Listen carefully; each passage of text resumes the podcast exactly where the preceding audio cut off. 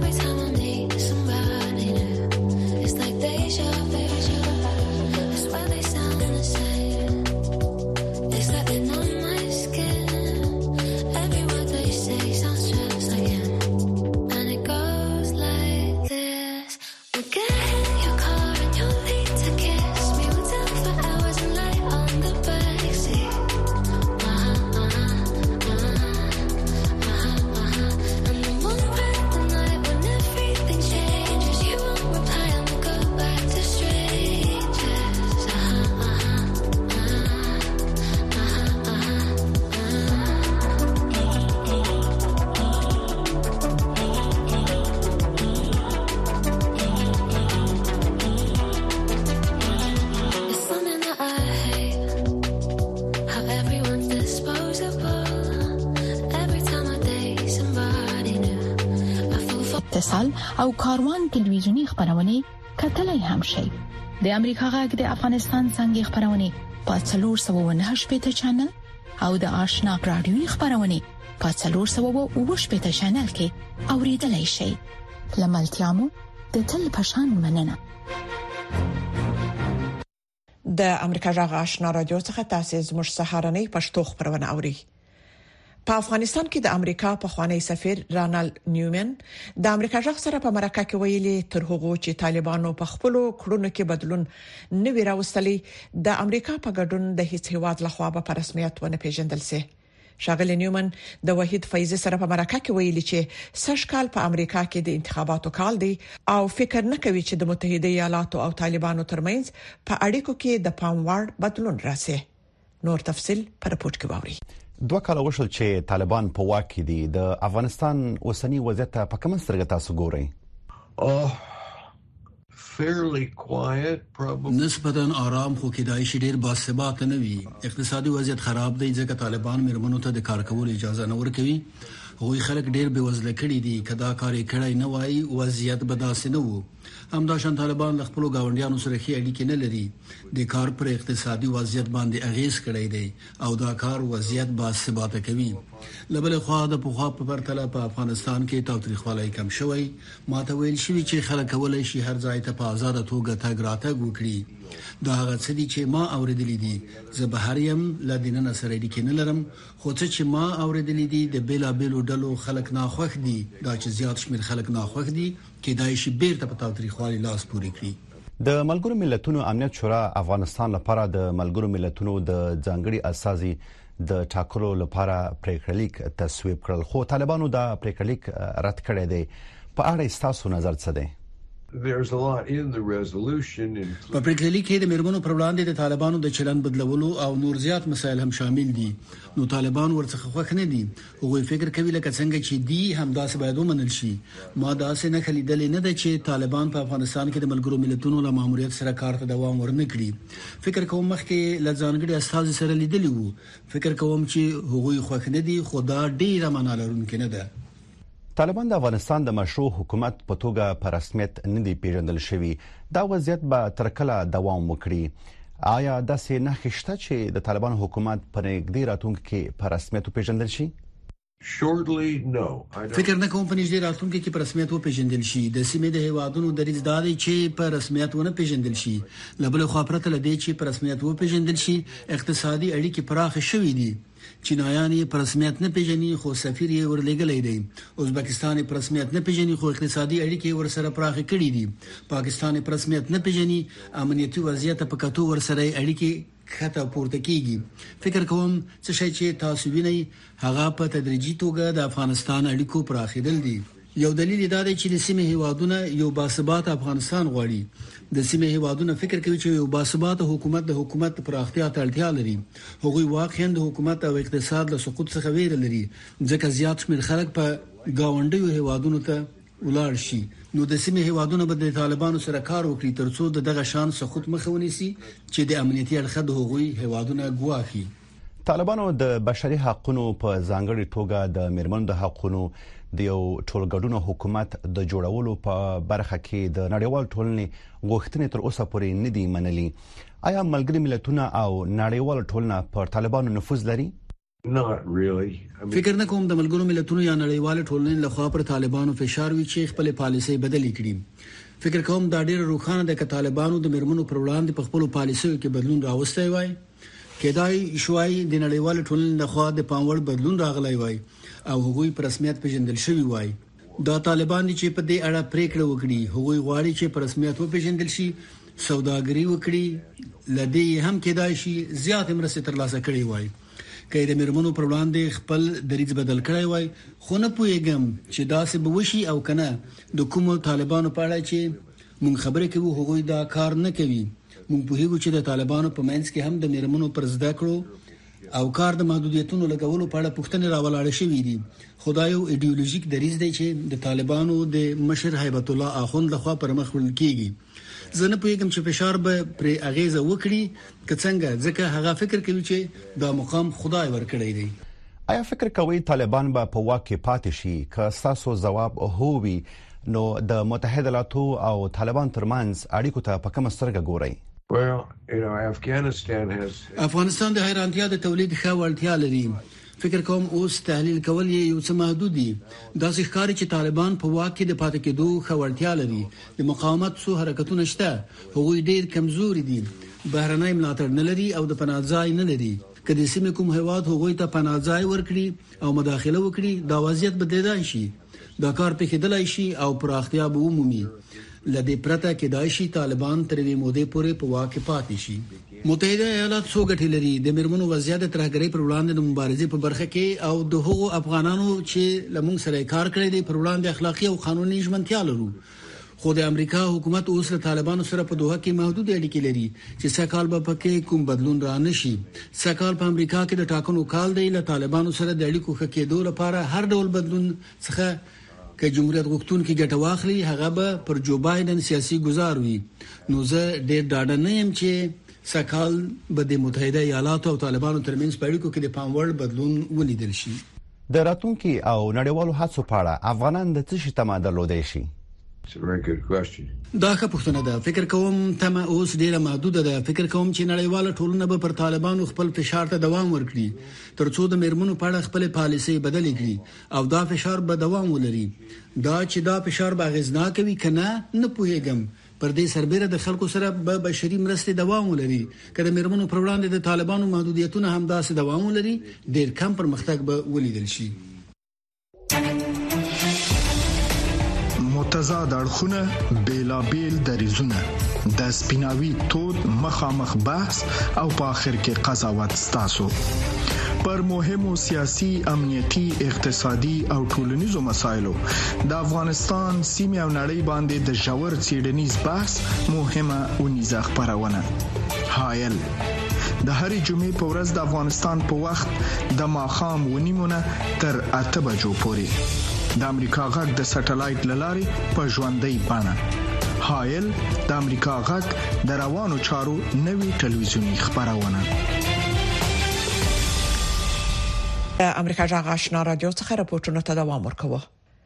امریکایانو په عمومي انتخاباتو کې د اقتصاد مسله ډیره مهمه بللې همدغه راز دا د راتلونکو ولسمشر لپاره په ټاکنو کې مهمه موضوع ده خو سږ کال ځینې نور مسایل هم د خلکو لپاره ډیر مهم دي نور حال پر پورت کې ووري ولسمشر جو بایدن په پنسلوانیا کې د 2023م کال کمپاین پیل کو هغه امریکایانو ته د هغه د ولسمشرۍ په دورې کې د اقتصادي لاسته راوړنو یادونه وکړه تاسو د مصرف کوونکو باور ته وګورئ چې ډیر لوړ دی، هر څوک په ښه حالت کې دي او دوی په دې پوهیږي. د جورج واشنګټن پوهنتون پروفیسور وايي، په دې کې هیڅ شک نشته چې د متحده ایالاتو اقتصاد د کوویډ وبا نه بیرته راګرځیدلی او ښه شوی دی. انفلاسیون درې اعشاریه اووه سلنې ته راټیټ شوی، دا د پخوا په پرتله د نیمایي څخه کم دی. په عین حال کې بیکاري د پنځوس کلونو ټیټې کچې ته نږدې یعنې درې اعشاریه اووه سلنې ته راټیټه شوې ده چې دا یوه رښتینې لاسته راوړنه ده. خو دا چې تر دې دمه کوم پرمختګ شوی دی، هغه به د نومبر په میاشت کې د بایډن بیا ټاکل کېدو کې مرسته وکړي او که نه؟ لویه پوښتنه چې ټاکون ته لاره هواروي دا ده چې معاشونه به څومره ژر لوړ شي او انفلاسیون به څومره ژر راکښته شي او ایا خلک به له ټاکنو مخکې د ګټو احساس پیل کړي؟ د یوې ټولپوښتنې په اساس د متحده ایالاتو اووه شپېته سلنه خلک په دوه زره څلوېښتم کال کې اقتصاد ته لومړیتوب ورکوي. ټیم کارټر جمهوري غوښتونکو ته رایه ورکوي، ځکه هغه اصلي اندېښنه مهاجرت ده، مګر هغه د بایډن په اقتصادي پالیسیو هم انتقاد کوي. زه فکر نه کوم چی هغه دومره ښه کار کړی لکه څنګه چی هغه وایی او تاسو پوهیږی چی عادی امریکایان دومره معاشونه نه لری چی خپل ضرورتونه پوره کړی انفلاسیون خورا لوړ دی او له همدی امله اصلی عاید کم شوی دی. یوه یوکراینۍ سوداګره وايي چې مېړه یې په نړیوالو چارو کې د سیاستوالو دریځونو ته، په ځانګړې توګه په یوکراین کې روانې جګړې ته ډېره پاملرنه کوي. هغه پوهیږي چې دیموکرات ګوند له اوکراین سره ډیره مرسته کوي او د لا زیاتو مرستو لپاره چمتو دی موږ ډاډه یو چې اکثره جمهوریت غوښتونکي هم غواړي چې مرسته وکړي خو تر اوسه موږ وینو چې هلته ځینې مرستې ځنډول شوې دي د السا ابراهیم لپاره اقتصاد